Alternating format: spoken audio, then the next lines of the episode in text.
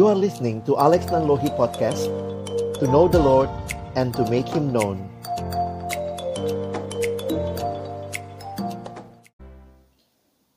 Shalom jemaat yang dikasihi Tuhan. Mari sebelum kita membaca merenungkan firman Tuhan Kita bersatu di dalam doa. Bapa di dalam surga kami bersyukur boleh beribadah pada hari ini menyampaikan setiap permohonan kami kepadamu, datang ke hadiratmu yang kudus. Dan juga kami rindu mendengarkan kebenaran firmanmu ya Tuhan. Ketika kami akan membuka firmanmu, bukalah juga hati kami. Jadikanlah hati kami seperti tanah yang baik. Supaya ketika benih firman Tuhan ditaburkan boleh sungguh-sungguh berakar, bertumbuh, dan juga berbuah nyata di dalam kehidupan kami. Berkati hambamu yang menyampaikan dan setiap kami yang mendengar, Tuhan tolonglah kami semua. Agar kami bukan hanya menjadi pendengar-pendengar firman yang setia, tapi mampukan dengan kuasa dari rohmu yang kudus. Kami dimampukan menjadi pelaku-pelaku firmanmu di dalam kehidupan kami. Bersabdalah ya Tuhan, kami umatmu sedia mendengarnya. Di dalam satu nama yang kudus, nama yang berkuasa, nama Tuhan kami Yesus Kristus. Kami menyerahkan pemberitaan firman-Mu. Amin.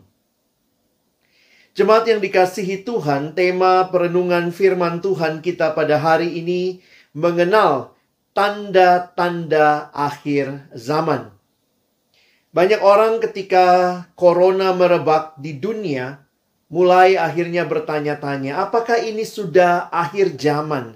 Apakah ini kesudahannya?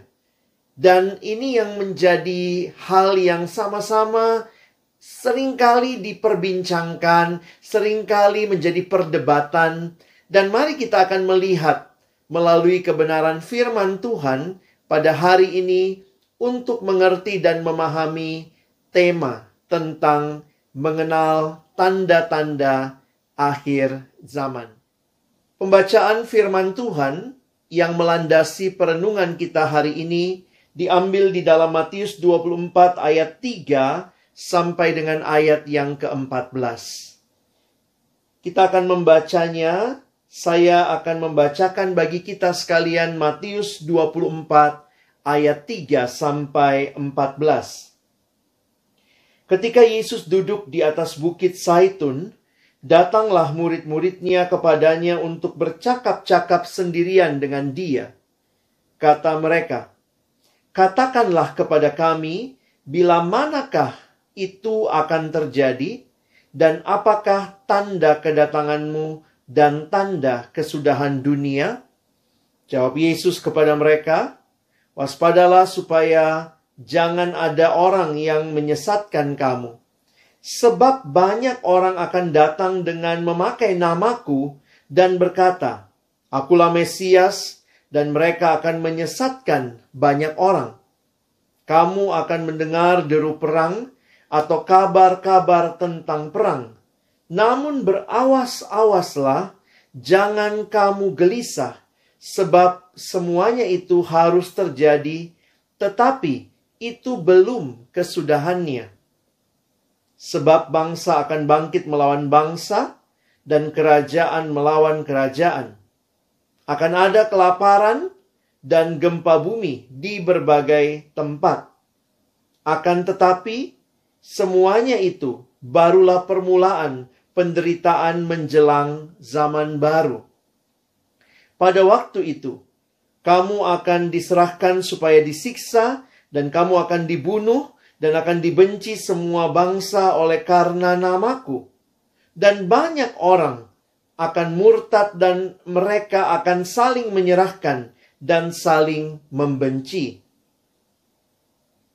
Banyak nabi palsu akan muncul dan menyesatkan banyak orang.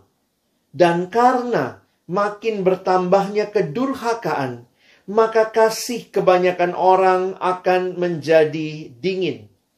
Tetapi orang yang bertahan sampai pada kesudahannya akan selamat. Dan Injil kerajaan ini akan diberitakan di seluruh dunia. Menjadi kesaksian bagi semua bangsa. Sesudah itu barulah tiba kesudahannya. Jemaat yang dikasihi dalam Tuhan Yesus Kristus, percakapan tentang akhir zaman sering kali memang menjadi percakapan yang sangat seru. Bahkan saya katakan juga seperti yang tadi, mungkin menjadi perdebatan di kalangan orang-orang Kristen. Nah, jika kita memperhatikan, ada dua sikap yang menarik yang sering kali muncul berkaitan dengan akhir zaman di kalangan orang Kristen. Yang pertama adalah orang-orang yang tidak mau membicarakannya. Udahlah, jangan ngomong itu. Kayaknya takut sekali gitu ya. Jangan, jangan, gak usah ngomong akhir zaman. Sehingga ada orang-orang yang punya ketakutan berbicara tentang akhir zaman. Atau ini sering kali disebut eskatofobia. Ini dari kata eskatologi atau eskatos atau bicara hal-hal yang terakhir. Jadi bicara eskatologi, doktrin akhir zaman, ada yang eskatofobia, yang tidak mau membicarakan tentang hal-hal akhir zaman. Lalu ada juga yang senang membicarakannya. Apa-apa akhir zaman. Ini akhir zaman. Ada ini akhir zaman. Itu akhir zaman. Ini orang-orang yang kita sebut dengan eskatomania. Jadi yang satu fobia, yang satunya mania. Senang sekali membicarakan hal-hal berkaitan dengan akhir zaman dan mencoba melihat-lihat ini kaitannya semua dengan akhir zaman sehingga kita katakan eskatomania. Jemaat yang dikasihi Tuhan, Anda termasuk yang mana? Nah, seharusnya bagaimana sikap yang benar? Tentu sikap yang benar bukan berada pada salah satu ekstrim, dan yang menarik adalah hati-hati jangan sampai menjadikan Alkitab sebagai buku ramalan tentang apa yang akan terjadi.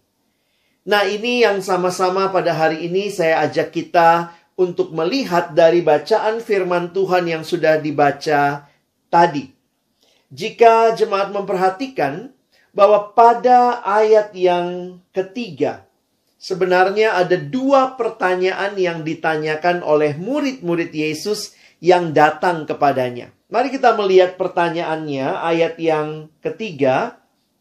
Kata mereka, katakanlah kepada kami. Nah, pertanyaan pertama, bila manakah itu akan terjadi? Bila mana adalah pertanyaan tentang kapan itu terjadi. Dan yang kedua, apakah tanda kedatanganmu dan tanda kesudahan dunia?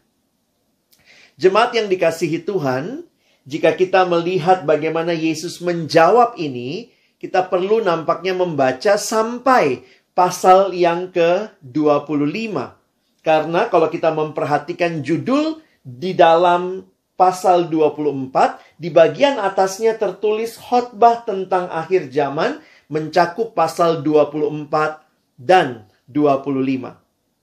Nah, karena itu kalau kita melihat sebenarnya Yesus mencoba menjawab hal ini, memang kita harus bisa jeli membedakan melihat apa yang sedang Yesus jawab dari jawaban Yesus yang nampaknya begitu panjang dan tercampur antara ini sedang bicara kapannya kah atau sedang bicara tanda-tandanya.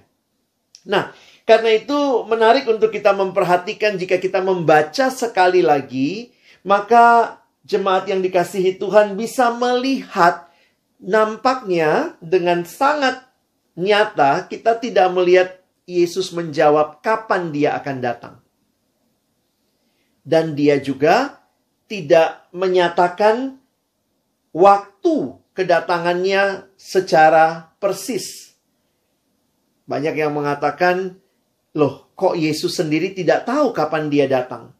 Tetapi di dalam kenyataan kehadiran Yesus dalam inkarnasinya ke dalam dunia, Yesus menyerahkan pengetahuan tentang kedatangannya kali yang kedua ketika Yesus berkata, hanya Bapa yang tahu, anak pun tidak.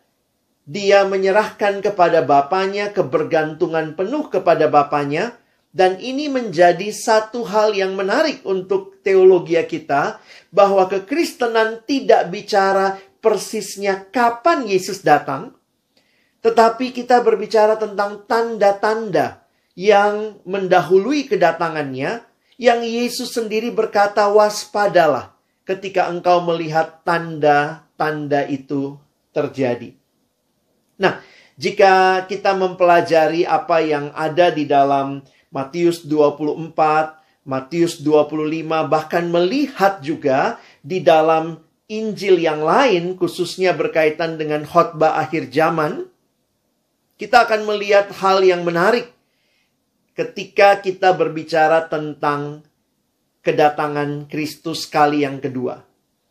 Ada beberapa hal yang ingin saya highlight sebagai prinsip-prinsip kebenaran yang perlu kita pahami menghayati khotbah tentang akhir zaman. Yang pertama, akhir zaman itu menyatakan kedatangan kerajaan Allah secara sempurna. Ketika Kristus datang kali yang kedua memerintah sebagai raja, maka kerajaan Allah secara sempurna akan diberlakukan di atas dunia ini seperti doa Bapa kami. Datanglah kerajaanmu di bumi seperti di surga. Dan ini menyatakan hal yang menarik bahwa Kristus akan datang kembali untuk kedua kalinya pada akhir zaman. Kedatangan pertama dia datang sebagai bayi mungil. Namun kedatangan yang kedua sebagai hakim, sebagai raja yang akan menghakimi dan memerintah dunia. Dan Kebenaran selanjutnya yang perlu kita garis bawahi bahwa memang ada tanda-tanda zaman yang akan mendahului akhir zaman tersebut.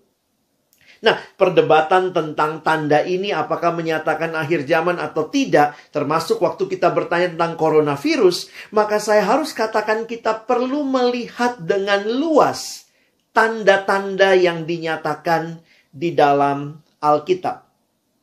Misalnya, kita membaca tadi akan ada kelaparan dan gempa bumi di berbagai tempat. Tapi bukankah kelaparan sudah terjadi sekian lama dalam sejarah kehidupan manusia? Bahkan gempa bumi terjadi di mana-mana. Sekarang pun mungkin karena sekarang itu BMKG sudah bisa diakses online sehingga Bapak Ibu Saudara kita jemaat Tuhan bisa lihat, wah ini gempa bumi nih, gempa bumi. Sehingga kayaknya, wah ini makin dekat akhir zaman. Tetapi jangan lupa gempa bumi pun sudah terjadi sejak masa yang masa yang lalu. Lalu bagaimana kita menyikapi tanda-tanda tersebut? Ada beberapa prinsip yang ingin saya sampaikan berkaitan dengan tanda-tanda ini. Dan saya ingin mulai dengan yang pertama, bahwa tanda-tanda akhir zaman ini nyata dituliskan dan disampaikan oleh Tuhan Yesus dikaitkan dengan yang pertama ada kesengsaraan yang besar.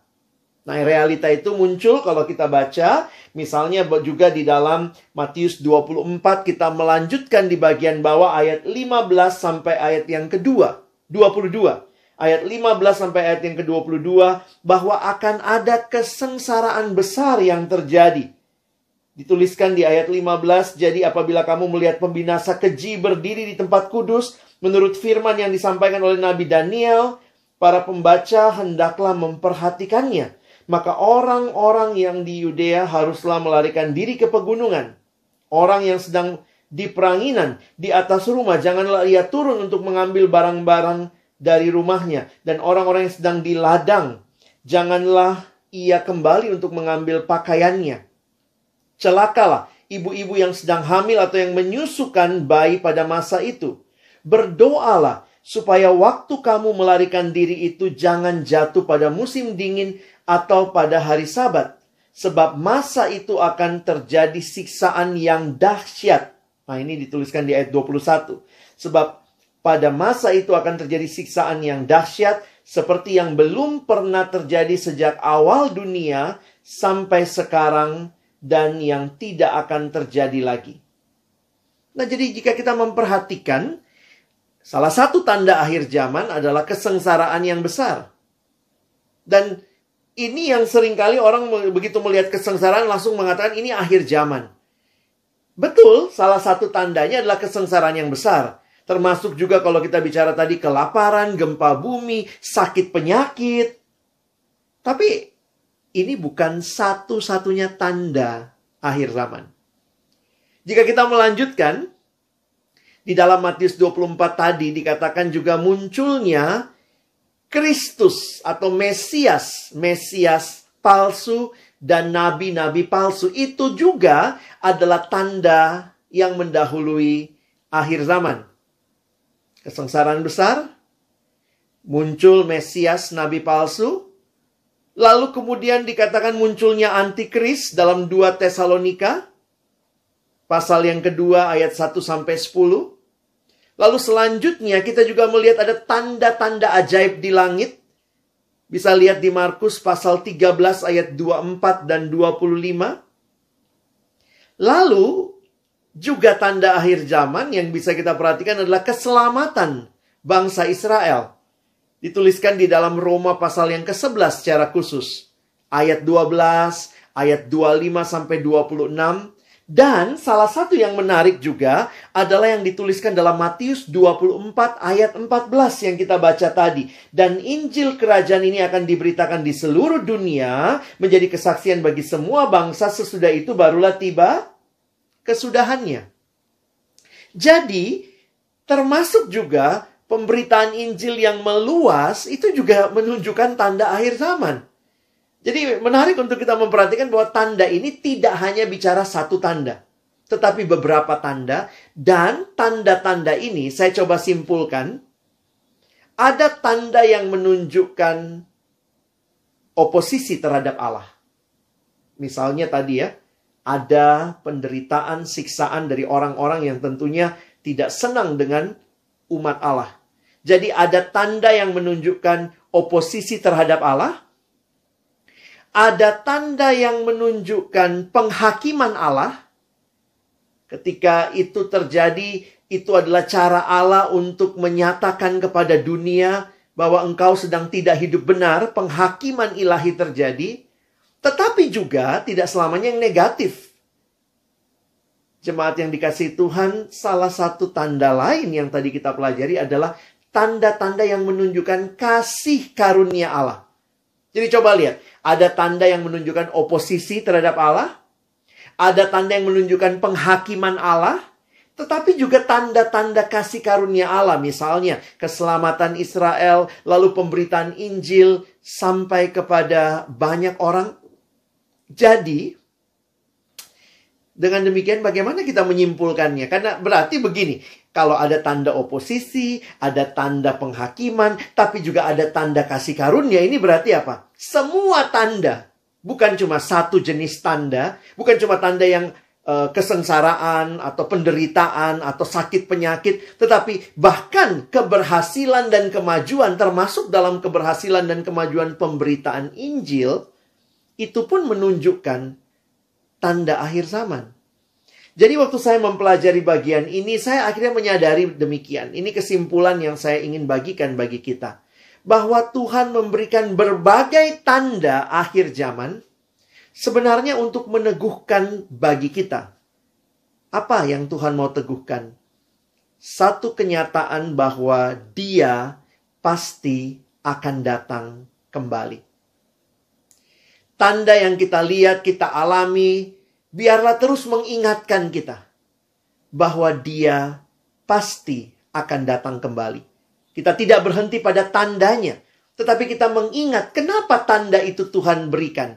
Wow, ketika kemajuan terjadi, ingat Tuhan pasti akan datang. Ketika penderitaan kesengsaraan yang ter terjadi, kita pun ingat Dia pasti datang kembali. Sehingga kita sekali lagi tidak menebak-nebak kapan dia datang. Kita pun aware dengan berbagai tanda untuk menyadari bahwa dia pasti datang. Karena itu bagaimana sikap kita menghadapi akhir zaman?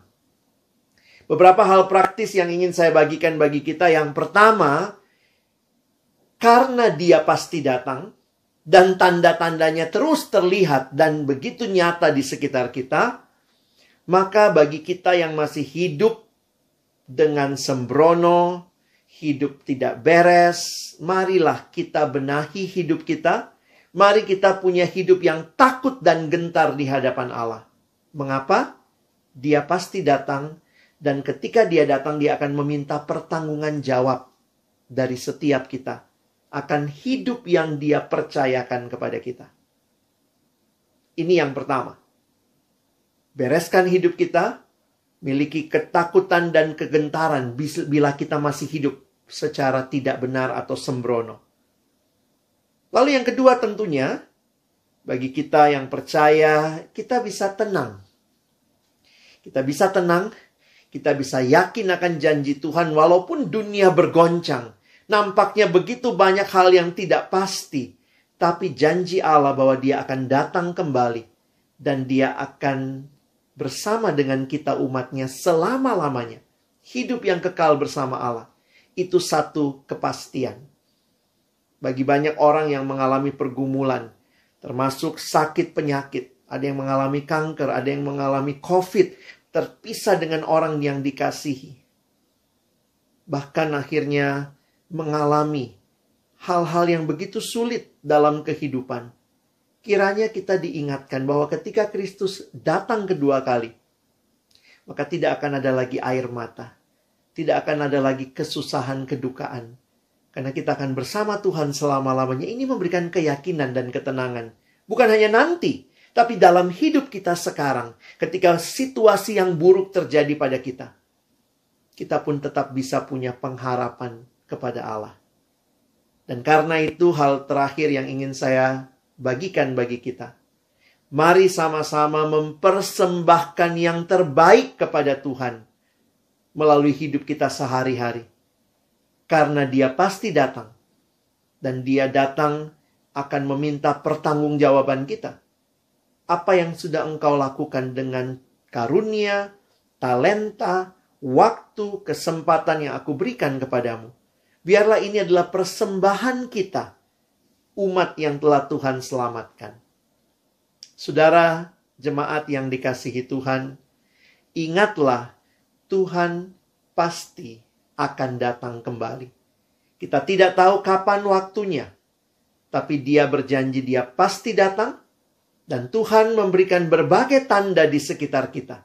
Bukan untuk kita menebak-nebak, tetapi semua tanda itu mengingatkan kita bahwa Dia pasti datang, dan ini memberikan kepada kita hidup yang terus-menerus kita persembahkan, yang terbaik kepada Allah, membawa juga orang lain untuk kenal Tuhan, bisa tenang di dalam Tuhan. Bagaimana kesiapan kita menyambut kedatangannya kali yang kedua?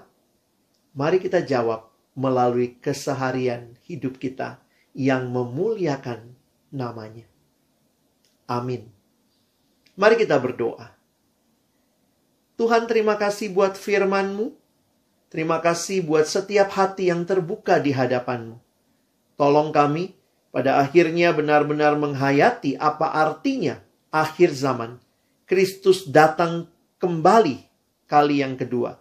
Dan ini membuat kami terus berharap, terus punya keyakinan bahwa Engkau Allah yang sudah menyelamatkan kami.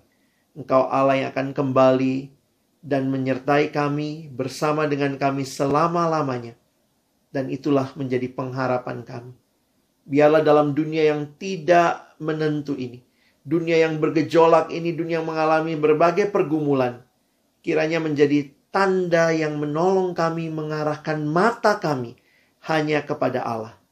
Engkau hadir, engkau menyertai, dan engkau pasti akan datang kembali. Itulah iman kami, itulah pengharapan kami. Kami bersyukur dalam nama Yesus kami berdoa. Amin.